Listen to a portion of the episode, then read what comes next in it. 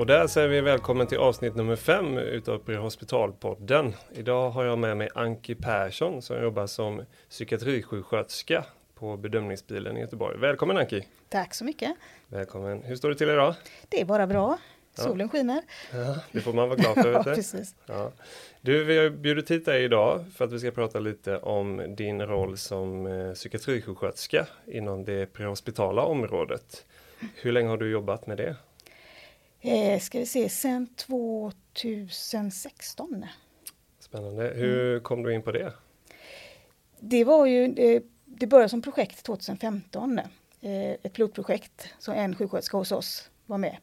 Och sen eh, efter årsskiftet, så jag var lite sugen från början så fick frågan men var inte riktigt redo då. Men när de hade kört i tre månader så insåg jag att det här verkar ju jättekul. Så att jag fick en chans att hoppa på det tåget. Och sen dess är jag med. Spännande. Vi kommer ju såklart prata mycket mer om detta under detta avsnittet. Men eh, jag tänker att vi kan gå tillbaka lite grann och prata om varför du blev sjuksköterska och hur du har hamnat där du har hamnat idag. Ja, det är en bra fråga. Ja. Eh, jag hade inga tankar på vården från början utan jag gick fyraårig teknisk och mer inriktad på det, på den, det spåret. Men eh, blev väldigt skoltrött. Började jobba i Pressbyrån efter gymnasiet och jobbade där i två år, fick panik, tänkte här kan jag inte stå. Läst lite enstaka kurser och sen eh, av någon anledning så sökte jag omvårdnads, eh, läste in omvårdnadsprogrammet. Eh, man var ju tvungen att vara undersköterska för att få läsa till sjuksköterska på 80-talet. Så att då läste jag in den först. Och under en praktik, när jag läste in omvårdnadspoängen, så hamnade jag på en psykosrehab på Lillhagen och blev jättesugen. Så när jag sökte till sjuksköterska sen året efter så sökte jag direkt in på psykiatri psykiatridelen. För då valde man ju antingen somatik eller psykiatri. Så att jag bestämde mig där. Ja, just det, för det var ett helt annat upplägg då på utbildningen. Då, då var sjuksköterskeutbildningen tvåårig. Men det, det krävdes att man var undersköterska för att få söka till eh, sjuksköterskeutbildningen. Så det var lite annorlunda upplägg då naturligtvis. Okej, okay. mm. ja det kan ha funnits mycket fördelar i det också att man hade en del erfarenhet med sig och förstod vad kanske jobbet handlar om då. Det tror jag absolut att det kan ha varit. Sen kan jag tycka att den utbildning som är, ny, som är nu är mycket djupare. Det är mer liksom med forskning, mer beprövad erfarenhet. Jag kan tycka att våran, en bra utbildning också men inte riktigt lika matnyttig som den är nu. Det är en mm. bättre utbildning nu än våran tycker jag. Mm. Ja men det är kul. Mm. All right. och eh, började du jobba med psykiatri direkt efter då du hade gått den inriktningen? Ja, ja. då började jag jobba på en, eh, jag hade, eh, innan, samtidigt som jag läste och innan så hade jag jobbat på en psykosavdelning som skötare då mm. i tre år. Men eh, sen började jag som sjuksköterska på en allmänpsykavdelning och där var jag i nio år. Eh, och sen började på psykakuten på Lillhagen 99. Eh, och vart kvar där och var med i flytten till Östra också då 2007. Eh, sen gjorde jag ett kort avhopp och jobbade på en psykosöppenvård i två år. Men gick tillbaka till psykakuten 2010 och har varit där sedan dess. Då. Spännande. Då måste du ändå ha sett också hur psykiatrin har utvecklats under de här åren du har jobbat? Ja, det har hänt rätt mycket sedan 87 när jag började på Lillhagen och tills nu på Östra. Det, ja, det är mycket som hänt. Med, eh, både på gott och på ont också. Och vilka förändringar har du sett då för patienterna sedan eh, den här tiden?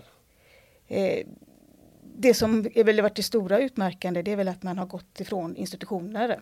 Både Lillhagen och Sankt Jörgen och alla de som fanns innan var ju institutioner där man vårdade länge och eh, många kunde till och med bo på sjukhuset.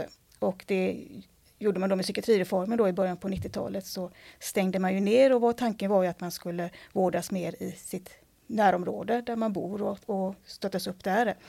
Eh, direkt efter reformen funkade det väl inte jättebra. Det var många som blev strandsatta och blev satt ensamma i sina lägenheter och den uppbyggnaden av det från både från eh, psykiatriska öppenvården men också från kommunen med stödtjänster funkade ju inte riktigt. Så det blev mycket ensamhet och en ökning med eh, suicidstatistiken också i det läget där. Det som har varit fördelen, det har varit kanske för de som är med, varit mer nyinsjuknade, att de får ett annat stöd mer hemma som gör att man kanske kan fungera mer som vanligt i samhället när man inte har sina skov. Och det är ju positivt tycker jag. Eh, medicinerna har också blivit väldigt mycket bättre, framförallt psykosmedicinerna. Att det, du har inte de här biverkningarna som däckar dig kognitivt utan du kan faktiskt bibehålla dina kognitiva funktioner. Så du blir inte, eh, ja, man blir inte om, tidigare på psykosavdelningar så gick ju folk som i dimma. Om du, hade liksom, du, du skapar ju eh, ja, inte kollin direkt men, men eh, ja, du blir skadad av det. Men det är ju inte på det sättet nu så att du kan fungera bättre. Du kan ha ett vanligt liv, du kan ha barn, du kan ha arbete, du kan bibehålla det med den vården och medicinen som är nu och det har ju varit en fördel naturligtvis. Ja, ja mm. får en, eh, det blir mycket bättre livskvalitet då kan jag tänka Absolut. mig för den här typen av patienter. Ja, ja men det blir det, att man faktiskt kan fungera. Du blir inte institution, vad heter det, fint ord, ja vi ska skippa det ordet ja. kanske. Men, men att du, tidigare så blev det att du fastnade på en institution för att du inte kunde fungera men ja. det kan du nu. Men tror du att ändå de här institutionerna hade haft sin funktion i dagens samhälle? Eller? Ja, jag tror att det finns personer som behöver det. Ja. Att mm. det finns personer som absolut inte klarar sig och sen kanske inte ska vara som på Lillhagen eller Sankt Jörgen. Men kanske någon form av mer stöttning. Det är, lite grann kan jag känna ibland att det krävs att du ska vara väldigt motiverad för att kunna ta till dig den vården som finns idag. Och det, vi har personer som inte är motiverade men de måste också kunna få stöd. Och det, kan jag ibland uppleva är lite svårt att hitta mm. den balansen. Att det finns mycket ensamhet, eh, framförallt på, mellan, hos eh, psykospatienter och kanske skulle behöva lite mer. Lite åt det, extra åt, åt, det, åt det hållet fast inte mm. institutionerna. Mm. Nej, nej. Får väl se vad som framtiden bär med sig mm, men eh, det är nog de flesta tycker nog så mm. kan jag tänka mig. Alright, eh, och lite tillbaka då till eh, det här med psykiatribedömningsbilen då mm. som vi ska prata här om. Mm. Eh, det var ett projekt som startade sa du, mm. 2015 sa vi va? 2015 sa vi ja. Precis. Och eh, vad var syftet egentligen? Vad, vad var det för behov man såg eh, i samhället? Eh, det var utifrån det när regeringen började prata om nollvision när det gäller suicid. Mm. Så i, i eh, Göteborgs sjukvård, eller det heter inte Göteborgs sjukvård längre, men i, där så, så eh, tittar man på vad man kunde göra och man pratar liksom också om helhetssynen på patienten och att, att eh, både vad gäller somatik och psykiatri. Och eh, Stockholm eh, började ungefär samtidigt, de låg väl ett halvår före oss i sin planering. Eh, och det utmynnade i en, ett arbete då att man skulle samarbeta med ambulansen för att kunna möta upp psykiatrin utan, utanför sjukhuset och kunna göra adekvata bedömningar i hemmet. Mm. Så, så Stockholm var först, var det den här PAM man pratade PAM om då? PAM heter de. De mm. har ett litet annat upplägg, upplägg än vi har men, mm. men de började ungefär ett halvår före oss. Sitter. Okay. Mm. Och då, vad, vad, är det för speciellt upplägg de har som inte vi har här? Eh, de har ju en bil som bara eh, rullar med psykiatrisköterskor. De är två stycken i bilen. Och de åker då, de utgår från ambulansstationen inne i Stockholm men de rullar ju bara på psykiatristyrningar. Eh, och inte kopplade med det andra. De har en eh, ambulanssjukvårdare som kör bilen då som ska kunna som förstår står det lite grann för det somatiska då. I eh, Göteborg har vi valt annorlunda. Då valde vi att ha bemanna med ambulanssjuksköterska också, att man skulle ha det som en samverkan. Och det handlar ju dels om att, att det är svårt ibland att särskilja psykiatri från somatiken. Att det, det går ganska mycket hand i hand och eh, man behöver se båda, båda delarna. Man behöver se mm. patienter från båda hållen skulle också tanken med det var det också att vi ska lära av varandra. Att ambulansen ska få lära sig mer psykiatri från oss och att vi ska få lära oss mer somatik från ambulansen då. Så att det var ett samprojekt och jag tycker, jag, jag tycker det har varit bra. Jag tycker det har känts jättebra att ha båda eh, kompetenserna med. För ibland är det svårt, man blir också ganska hemmablind. Jag ser ju alla patienter med mina psykiatriögon och kan ibland blunda för somatiska besvär. Och eh, tvärtom också naturligtvis att en, en somatiskt tränad sjuksköterska kanske inte ser psykiatrin på det sättet som jag ser. Så att jag tror att det är till gagn för patienterna att båda kompetenserna finns med. Mm, ja men verkligen. Vad, hur var upplevelsen då när du kom ut eh, och fick åka på även somatikstyrningarna? Eh, jag tänker psykiatrin där jobbar man ju kanske inte jättemycket med just med Nej, eh, nej eh, vanliga bedömningsärenden var ju inte, inte, så, var inte så farligt men det, det, det är ju så liksom att eh, när, jag, när det är psykärende så eh, går jag, tar jag ju första delen naturligtvis så, men man hjälps ju åt. Och det är ju samma sak på, när det är somatiskt ärende. För det är ju så, precis som du säger, att, att eh, vi styrs ju på psykärenden. Finns det psykärenden så styrs vi på det, men när det inte finns något psykiatri som ligger och väntar på SOS så blir vi styrda på somatiska ärenden. Eh, men då tar jag ett steg tillbaka och hjälper till med det jag kan. Jag kan ju ta vitalparametrar och jag kan lyssna och man kan liksom stötta upp i så. Eh, så vanliga bedömningsärenden har inte varit så, men jag kommer ihåg första gången man fick eh, åka på, på ett eh, hjärtstopp för att vi var närmsta bilen, då hade jag panik. För det är ju ingenting som jag är tränad i. Att de delarna. Men, det, men samtidigt får man känna liksom, alla vet ju vem jag är, alla vet att jag är psykiatrisjuksköterska. Ingen förväntar sig att jag ska arbeta som en ambulanssjuksköterska. Så att man gör det man kan. Jag kan ta hand om anhöriga eller liksom göra andra saker. Mm. Eh, så man kan alltid göra någonting. Ja, och det är ju en jätteviktig del mm. i ett hjärtstopp också. Det är mm. ju anhöriga. Det mm. är, mm. Och där har ju du en speciell kompetens och det, vi andra kanske är lite mer skolade och bara vara hands-on då med patienten ja, ja, och då ja. kanske anhöriga glöms av men där har du en given eh, position där. Precis. Fast samtidigt tycker jag, tänker med det du säger, för det är också något jag har upptäckt eller tänkt mycket på att, eller, överlag har jag alltid tyckt att ambulanser varit väldigt bra med psykiatripatienter och väldigt bra med att bemöta människor överhuvudtaget. För ni är ju tränade i det här med akuta omhändertagandet hela tiden. Så jag kan tycka att det är minst lika bra som en psyksyra på att ta hand om anhöriga i ett kristillstånd för att ni är vana vid det också. Men visst, det är klart vi har kanske en annan in, ingång och en annan liksom, kunskapsbas i det vi gör också naturligtvis. Mm. Mm. Ja. Och eh, har det här projektet då har fortgått, eh, verkar det som då? Och, ja, det är permanentat. Sen, det, det är permanentat. sen hösten mm. 2017 okay. så var det ett stort möte ute på eh, med alla vet du, eh, politikerna i sjukvårdsnämnden. Eh, så vi hade en genomgång och presenterade vad vi hade gjort och våra tankar kring det och efter det så blev det permanentat. Så nu är det en permanent verksamhet. Mm. Ja, då har man ändå sett att det har funnits behov och att man har sett positiva eh, resultat. Då. Ja, det har, absolut. Eh, och framförallt jag tycka det, det här projektet eller verksamheten, ska man säga nu, för det är inte projekt längre, har blivit så positivt bemött i alla nivåer och alla instanser så och det är jätteroligt. Mm. Mm. Häftigt. Mm. Och hur ser då ett vanligt pass ut för er? När, när startar ni till exempel? Eh, I, nu rullar vi eh, 17.30 till 03, eh, måndag till lördag. Eh, tanken med att vi rullar på eftermiddag och kvällen det är också utifrån det här när man startade som ett projekt då, 2015 så var ju också när man tittar på, på eh, när det är flest sökande och när det är störst behov så är det oftast på eftermiddagen och fram till förnatten. Så därför valde man att lägga de tiderna och det har ju även den statistiken vi tagit ut har också visat att det har stämt. Att det är då efter kontorstid och fram till 12, 1 någonting, det är då det är flest som ringer till SOS med psykiatriska besvär. Eh, så vi rullar 17.30 eh, det vi gör när vi kommer till, till eh, arbetet är ju att då, vi byter om naturligtvis. Vi stämplar in, vi har stämpelklocka på, på eh, psykiatrin. Eh, vi, tar, vi har en eh, egen liten väska som vi kollar igenom. Eh, det har våra egna saker i. Eh, när passet börjar ringer vi SOS och säger att nu är vi igång och att vi säger att det är en psyksyra med. Eh, de vet ju om att det är psyksyra med men vi väljer att ändå att alltid ringa när vi går på passet så att de inte missar det eller inte tror utan de vet att vi är där. Eh, sen är det bara att vänta på att det ska börja tjuta i raken. Mm. Och det brukar det göra. Det brukar vara, alltid, oftast vara någonting som ligger och väntar på oss när vi går på. och så första timmarna brukar det rulla på ganska ordentligt. Vi tar ju eh, styrningar från SOS naturligtvis. Eh, vi tar också styrningar från polisen. Eh, de, vi har en egen telefon, eh, psykiatritelefonen, som vi har med oss. Och den kan ju polisen ringa till själva.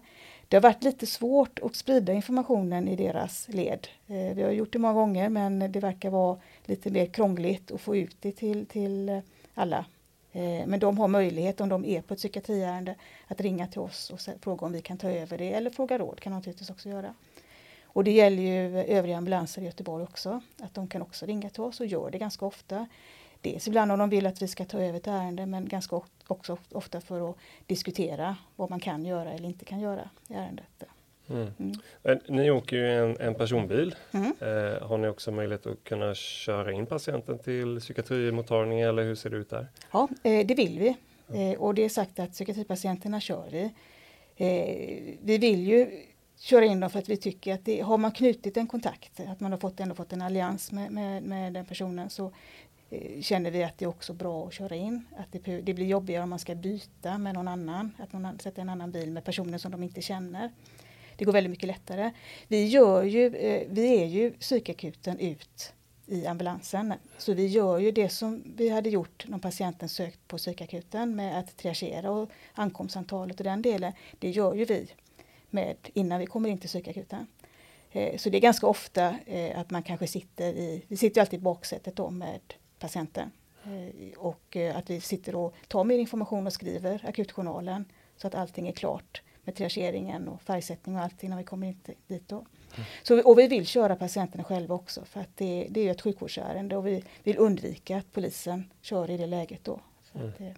mm. Vad har responsen varit från polisen? Uppskattar de att ni kommer och hjälper till? Och... Ja, det, det, tycker, det upplever jag att de gör. Ja. ja. Mm. Sen kan de ju kanske ibland önska att, och kanske en tanke om att vi de skulle kanske ha en önskan att vi skulle kunna fatta mer beslut om tvång, men det får vi ju inte, vi är sjuksköterskor. Mm. Vi kan aldrig besluta att tvinga in någon mot dess vilja. Och där kan vi väl ha lite diskussioner ibland, eh, men, men så är det. Men eh, jag upplever att, att eh, poliserna är väldigt nöjda med det vi gör också. Mm. Men har ni någon typ av bakjour ni kan ringa för att få ut någon psykiatriläkare? Eller nej, det, det, kan, nej? det kan vi inte. Det är ju så med, när man ska besluta om att omhänderta någon, det är ju att, att frihetsberöva en person. Mm. Och det kan du inte göra per telefon. Eh, någon gång har det hänt om det har varit en patient som är väldigt, väldigt känd och att det är den som är bakjour känner patienten. Eh, men eh, det är sällsynt, för den typen av bedömningar ska ju göras på plats. Mm. Du, du, ska inte frihetsberöva någon per telefon, för det är faktiskt det det handlar om. Så att det som gör, är det så att en patient inte vill åka med till sjukhuset och vi känner att den här personen kan vi inte lämna hemma. Eh, är det vi, eh, bara omvårdnadspersonal på plats, då får man ju ringa stadsjouren som får komma ut och göra en, en vårdintygsbedömning. Mm. Eh, är polisen med på plats och det är stökigt så finns det ju möjlighet att de kan få ett beslut från sin, sitt befäl då med ett, ett, vad man kallar för paragraf 47, när de kan då föra in en person mot dess vilja. Eh, men oftast blir det ju stadsjouren som man får vänta på. Mm. Mm. Om man inte kan övertala patienten. Det Nej. händer ju ibland också. Och det, det, kan ju ta ett tag innan de kommer till stationen. De har ju ganska ja, mycket att göra också. det kan det göra. Men då får man vänta. Så, ja. så är det. det mm. Oftast försöker vi ju ändå övertala patienten. Fördelen med bedömningsbilen det är ju att vi har ingen tidspress. Utan ärendena tar de tid de tar. Mm. Det kan vara allt ifrån 10 minuter. Du kanske kommer till ett, ett, ett, ett, en person. Du ser att den här personen behöver verkligen komma in. Du föreslår att eh, ska vi inte åka in? Ja, säger de. Ja, då sätter vi oss i bilen med en gång och så tar vi alla uppgifter i bilen. Eh, det kan, så det kan vara allt från det till att du kan sitta där i, i flera timmar. För att du kan inte lämna personen. Eh, många gånger tycker jag ändå att vi kan lyckas till slut övertala dem. Att vi kanske slått, de kanske tröttnar på oss men eller till slut kanske ändå inser att ja, ja men jag följer väl med då. Mm. Så det, där är ju fördelen att vi behöver inte stressa Nej, och det är väl en patientkategori där man inte ska stressa med heller? Nej, nej utan det får ta den tid det tar. Men eh, man ska komma fram till ett resultat och det ska kännas tryggt. Det mm. det. Mm. Och framförallt om du ska lämna någon hemma som kanske inte mår så bra så känns det ju viktigt att du har gett dig den tiden som behövs för att fatta ett bra beslut. Mm. Mm. Vi pratade lite om det här med att det kan uppstå aggressiva eh, mm. Eh, situationer. Sådär. Vad är din upplevelse nu när du har börjat jobba prehospitalt? Tycker du att det är mycket eh, alltså hotfulla situationer ute mer än vad det kanske är inne på psykiatriakuten? Eller är det... Nej, det tycker jag nog inte. Jag ty det, är på, på, det är på andra sätt. Jag tror på psykakuten är vi ju det kan vara mer där ibland på grund av att personerna är inlåsta som inte vill vara inlåsta. Eh, däremot så är vi ju fler personal. Eh, vi har larmsystem som är kopplat så att eh, trycker man på det så är det väldigt mycket människor där väldigt snabbt. Eh, vi har, man har ju en annan rutin i att hantera utagerande situationer. Eh, utanför sjukhuset så är du ju mer utsatt naturligtvis. Och eh, där, är, där är, följer vi ju samma regler som, som ambulansen naturligtvis. Att, eh, har man vetskap om att en situation kan bli utagerande eller en patient som vi känner till kan bli aggressiv så går vi inte in själva utan då begär vi att få polis med. Eh, och kommer man in i någon situation och man inser att nej det här känns inte bra då backar man ju ut och går ut därifrån naturligtvis. Och så får man diskutera hur man ska hantera det. Om man ska tillkalla polis eller hur man ska göra då. Eh, vi har ju fördelen då att eh, vi har en dator i bilen. Eh, så vi läser ju alltid på patienterna innan. Eh, har vi inte tillgång till dator så ringer jag inte psykakuten för att jag vill veta eh, om personen har eh, det vi kallar för blåring, att det finns en markering att de har varit aggressiva tidigare. Jag vill veta lite grann vad som finns bakgrund för patienten, vad den har för diagnoser, vad det, hur den har agerat tidigare i, i situationer som de inte känner sig så bekväma i. Och, eh, eh, med den informationen så kan man också planera mycket säkrare eh, vad man gör. Men eh, utagerande situationen finns ju och det finns de som man kan förvänta sig och det finns de som man inte kan, inte kan förvänta sig som bara händer. Eh, men som sagt, jag kan, upp, det kan, jag kan uppleva att man är mer oskyddad i ambulansen. För att du är bara två stycken om du inte har vet om något innan du har med dig eh, polisen. Eh, Eh, men då får man ju backa i så fall. Vi ska inte utsätta oss för någonting eh, som kan skada oss. Nej, verkligen. Vad, vad är din upplevelse är det vanligaste psykiatriuppdraget ni åker på? Är det ens... De vanligaste, det är ju suicid naturligtvis. Eh, och det kan ju vara allt ifrån att man har tankar till att man står i färd att göra, göra någonting. Så det är hela det spektret. Eh, ångest är också en, en stor eh, orsak. Eh, missbruk finns med eh, och psykos naturligtvis också. Men jag tror att ångest och eh, suicidtankar är det största. Mm. Och vad, vad gör man för dessa patienter? Mm. Eh, ångesten, vad vi gör då om, det, om man kommer till någon som har en ångestattack så försöker vi ju naturligtvis bryta ångestattacken. Eh, vi börjar väl med andning. Eh, du kan komma jättelångt med, med andningsövningar. Även om du har en, en panikattack där du nästan inte får någon kontakt personen så eh, att den är så ångestriden så, så kan du ändå med andningsteknik bryta väldigt mycket.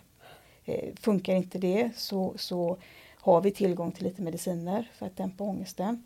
Så det, det första är i, när någon som har, är, har en ångestattack det är ju att dämpa ångestattacken då så att personen får lite lugn och kan prata. Och sen får man ju ha ett, ett, samtal och försöka ta reda på vad ångesten handlar om. Är det någonting som är akut som har hänt eller är det någon annan problematik? Och också händelsa patienten för fortsatt hjälp. Eh, vissa har ju redan uppbyggd kontakt med att det kanske är någonting som har hänt men andra kanske behöver hjälp och få lite råd om vart de ska söka någonstans för att få hjälp med sin grundproblematik. Eh, ångestpatienter kör vi väldigt sällan in. Eh, där är en fördel att vi liksom kan hantera dem hemma, eh, både med, med eh, andningsövningar eller med, med, kanske med någon medicin så att de kanske kan stanna hemma och inte behöver åka till psykakuten i det läget. Eh, när vi åker till patienter som har suicidtankar så kan du se väldigt olika ut. Det är ett stort spektra från det att du kanske har börjat att få suicidtankar. Du har ingen planering ännu men du har börjat att få de tankarna och det skrämmer dig. Det kan vara något som har hänt eller att det kan ha varit att du har mått dåligt under en längre tid. Och så har du hela spektrat fram till att du kanske till och med står beredd att göra någonting och att du har jättesvårt att, att stoppa dig. Eh, och du, du ringer av den orsaken. Eller någon anhörig ringer. Eh, det vi gör i det läget är ju att, att eh, börja prata och försöka ta reda på vad det är som har hänt och försöka få en allians med, med den personen. För det är också så, menar, det, det, det tänker jag ofta på psykakuten när man sitter och tar emot patienterna i triagesamtal här också, att det är ganska fantastiskt att, att du får personer ganska snabbt att berätta om saker som är jättesvåra för en person som de inte känner. Att det är faktiskt inte en helt enkel sak. Att det glömmer man ibland. Vi är så vana i vården att, att det är så självklart att prata om allting och ingenting är onaturligt. Men för personer som har mått dåligt länge och aldrig sökt hjälp och aldrig kanske pratat med sina anhöriga om det så förväntar vi oss att de ska berätta om det här för en person som de inte känner. Och det är inte alltid så enkelt. Så att man får lägga mycket tid på att försöka ge förtroende och att liksom de ska känna sig trygga med att berätta och att det inte är farligt. Eh, har du fått eh, den alliansen så, så, så, kan du prata mycket om vad som har hänt. Och då fokuserar vi naturligtvis på att försöka få en, bedöm få en grepp om, om det här, var den befinner sig. Är det så att du har tankar som du inte kan hantera? Eh, känns det som du är nära att göra någonting? Eh, på det spektret, liksom, vad, vad, vad, är du här och nu? Och det är lite grann eh, styr vad man gör. Om man tänker att personen kanske ska stanna hemma och knytas upp någonstans eller om de ska komma in till psykakuten. Eh, framförallt eh, svårast i den, vad det gäller det är, är, tycker jag är de personer som kanske står redo att göra någonting, som kanske står vid en bro eller står liksom utomhus i det läget. Eh, där har du inte riktigt det här att du kan sitta ner och prata i lugn och ro utan där måste du få den här kontakten ganska snabbt. Och det tycker jag nog är, det är vad jag nog upplever den svåraste gruppen att hantera för att där är så eh, det är så viktigt att du, att du lyckas knyta med den personen. Eh, vi brukar alltid säga att det, det, så att det, är, det är svårt att göra fel eh, när det gäller liksom psykiatrin. För det handlar bara om, bara om, att du ska vara öppen och ärlig så brukar patienterna känna av det och då blir de trygga. Man ska inte låtsas någonting som, som man inte är eller, inte, eller försöka vara något annat än vad man är.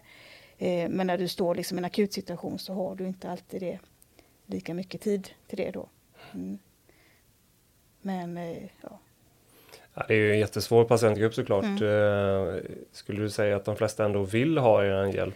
Ja, det, tro, det, det upplever jag så. Jag, jag, tänker så här att, att eh, någonstans, typ, kommer du till någon som står vid en bro eller någonting, eh, att de fortfarande står där innebär ju att de har en viss ambivalens. Att de ändå liksom, någonstans så vill man ändå ha hjälp.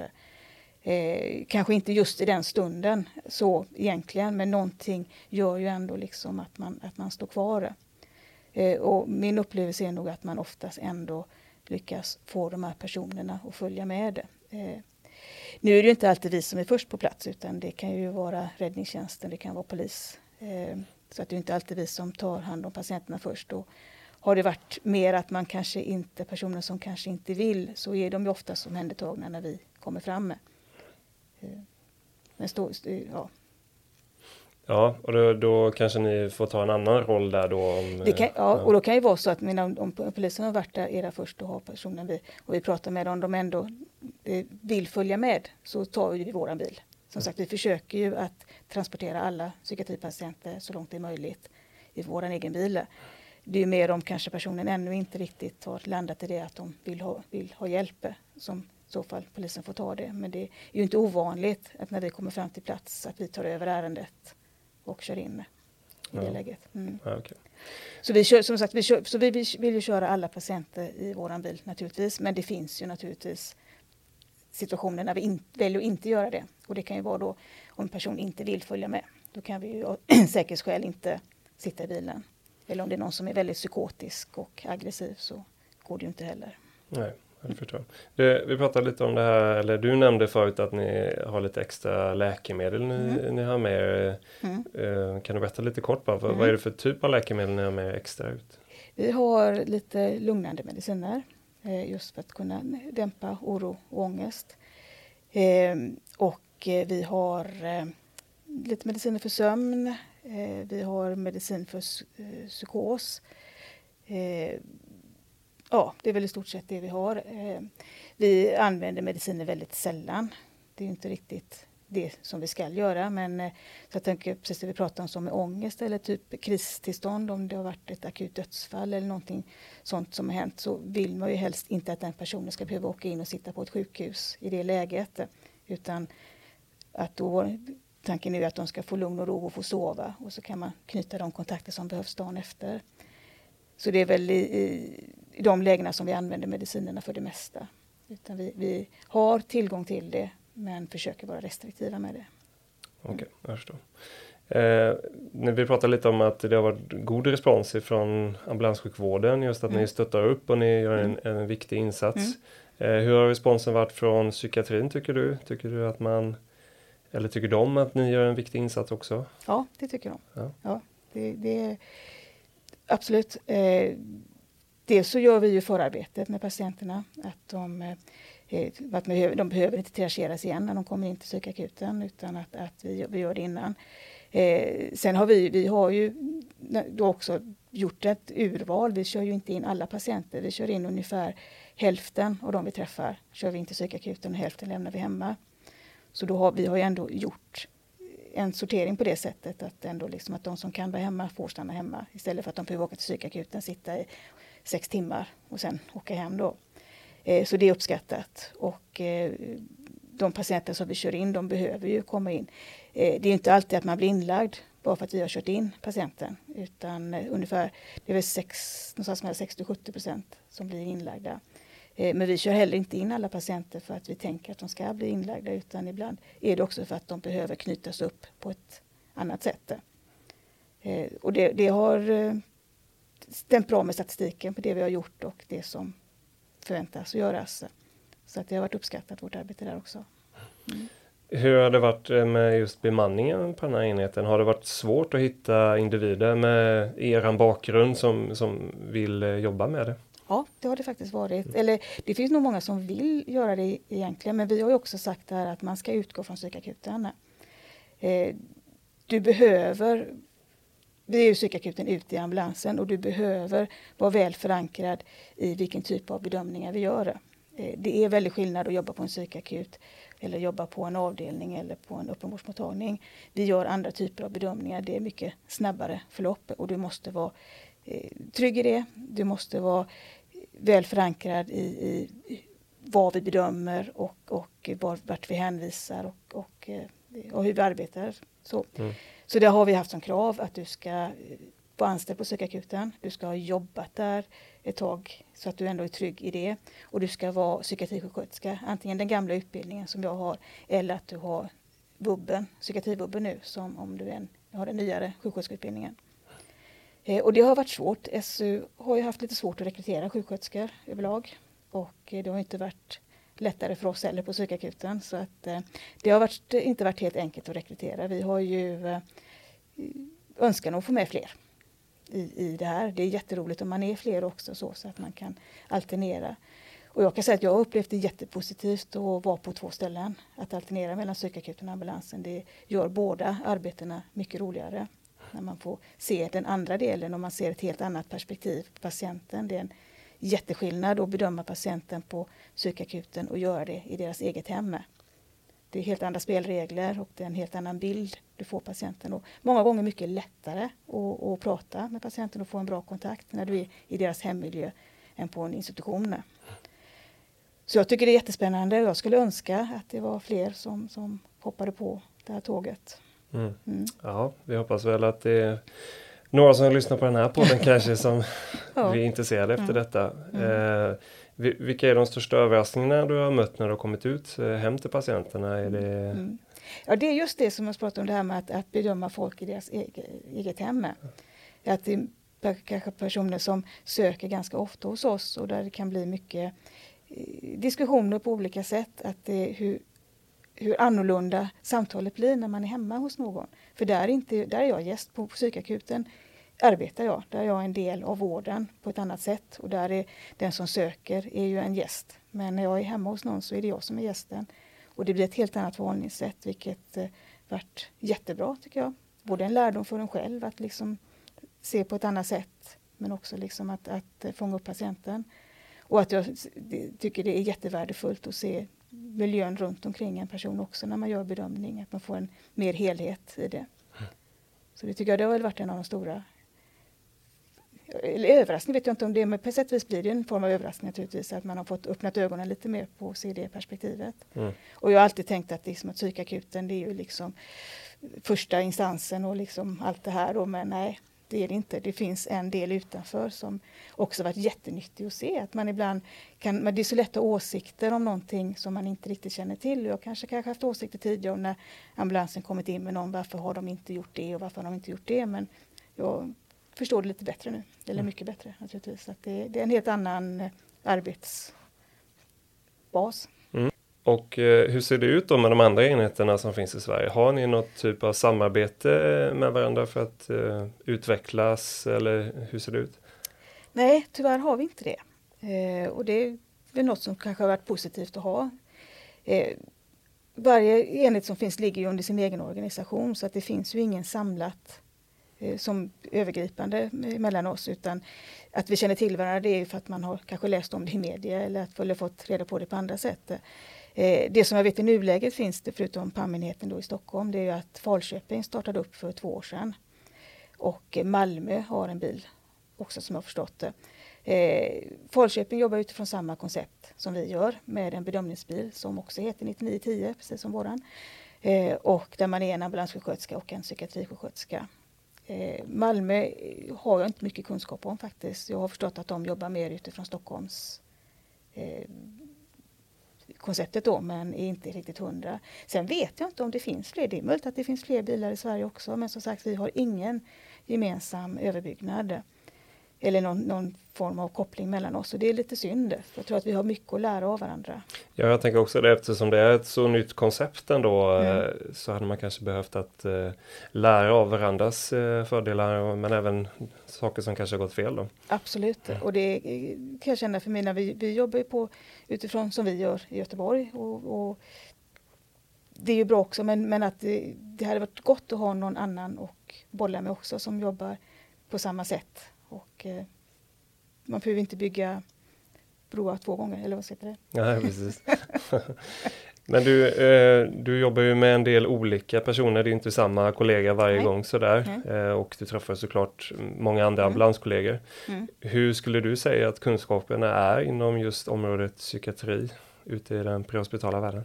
Jag tycker den är bra. Jag måste mm. säga det. Och det har alltid, även innan jag började jobba med, med det här, så har jag ändå känt att, att eh, det finns ett väldigt bra bemötande. Att jag tycker, alltid upplevt att våra patienter ändå blir väldigt väl behandlade. Och att det, jag, ty, jag tycker det finns en kunskap. Eh, absolut. Sen, sen kan jag känna att, att sen vi kom så klart att eh, det har kanske ökat. Och det var väl en, en del med, med, tanken i det här eh, arbetet också, liksom med projektet och med verksamheten, att det skulle öka kunskapen och att jag kan nog känna att, att, att finnas där och finnas tillgänglig och finnas synlig gör också liksom att man tänker mer på det och att man ställer mer frågor och att det är många som kan komma efteråt och, och prata om någon patient som de har träffat kanske på något arbetspass tidigare och höra liksom om man gjorde rätt eller, eller bara liksom lufta för hur man har gjort och tänkt det. Och det är jätteroligt. Så att eh, jag tror att, att det finns där har, har eh, ökat kunskapen men jag tyckte att det fanns ett bra bemötande innan också så att det är inte, inte Nej, ja, men det är kul att höra. Vad, har du fått möjlighet kanske på något APT och, och föreläsa om vissa typer av psykiska åkommor och sådär eller? Eh, jag håller rättsutbildning eh, på introduktionsutbildningen. Eh, det är syrkretsen som man drar igenom och då har jag väl försökt att prata lite om diagnoser och sånt också. Eh, för några år sedan i början, eh, jag kommer inte ihåg vilket år det var, då hade vi heldagar eh, med eh, psykiatri eh, med all personal. Det var också utifrån rätt då, att man gick igenom det. Men eh, annars har vi inte haft det nu. Det har väl pratat om det och eh, tankar kring att vi ska ha mer det, men det har inte kommit till skott ännu.